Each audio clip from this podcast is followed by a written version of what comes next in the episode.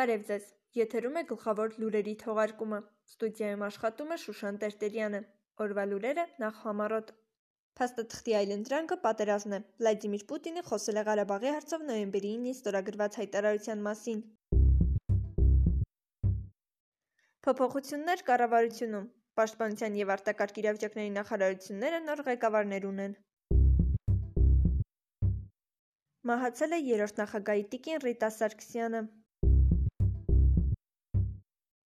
Վլադիմիր Պուտինը նախազգուշացրել է, որ Լեռնային Ղարաբաղի հարցով փաստաթղթի այլընտրանքը պատերազմն է, գրում է ՌԻԱ Նովոստին։ Ռուսաստանի Դաշնության նախագահը նշել է, որ պայմանավորվածությունների կատարումը ձգձգել փորձողների ձեռքերին արյուն է մնալու։ Если, не дай бог, это произойдет, то кровь пострадавших будет на их руках. Тех, кто пытается торпедировать эту договоренность. Вот это все должны понимать и отдавать себе в этом отчет. Լեռնային Ղարաբաղի հակամարտության գոտում 2020 թվականի նոյեմբերի 10-ին ժամը 01:00-ից հայտարարվել էր ռազմական գործողությունների դադար։ Պաշտոնից ազատվել է պաշտպանության նախարար Դավիթ Տոնոյանը, նրանք փոխարինի վարչապետի գլխավոր խորհրդական Վաղաշակ Հարությունյանը։ Դավիթ Տոնոյանն իր ուղերձում նշել է, որ ստեղծված իրավիճակն ունի լիցքաթափման կարիք եւ ուզում է, որ իր հեռանալն ընկալվի այդ տրամաբանության մեջ։ Նա հավելել է, որ այս պահին պաշտոնավորումը դադարեցնելը դժվար է, քանի որ բարդ իրավիճակներից խուսափելու սովորություն չունի։ Ես իմ ծառայությունը հայ ժողովրդին ավարտված չեմ համարում, նշել է Տոնոյանը։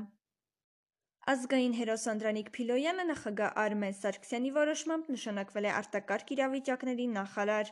5-րդ բանակային կորպուսի հրամանատար գեներալ մայոր Անդրանիկ Փիլոյանը հոկտեմբերի 20-ին արժանացել էր ազգային հերոսի կոչման։ Նա պարգևատրվել էր հայրենիք շքանշանով։ Նոյեմբերի 17-ին արտակարգ իրավիճակների նախարար Ֆելիքս Ցոլակյանը հրաժարական էր ներկայացրել։ Աշխատանքի եւ սոցիալական հարցերի նախարար Զարուհի Բաթոյանին կփոխարինի վարչապետի խորհրդական Մեսրոպ Արաքելյանը։ Բաթոյանը աշխատանքից ազատվել էր նոյեմբերի 20-ին։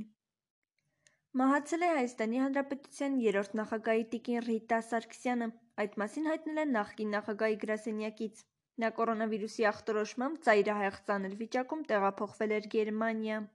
Ռիտա Սարգսյանը ծանր հիվանդություններ ունեցող երեխաներին օգնող «Նվիրիր կյանք» բարեգործական հիմնադրամի հոգաբարձուների խորհրդի նախագահն էր։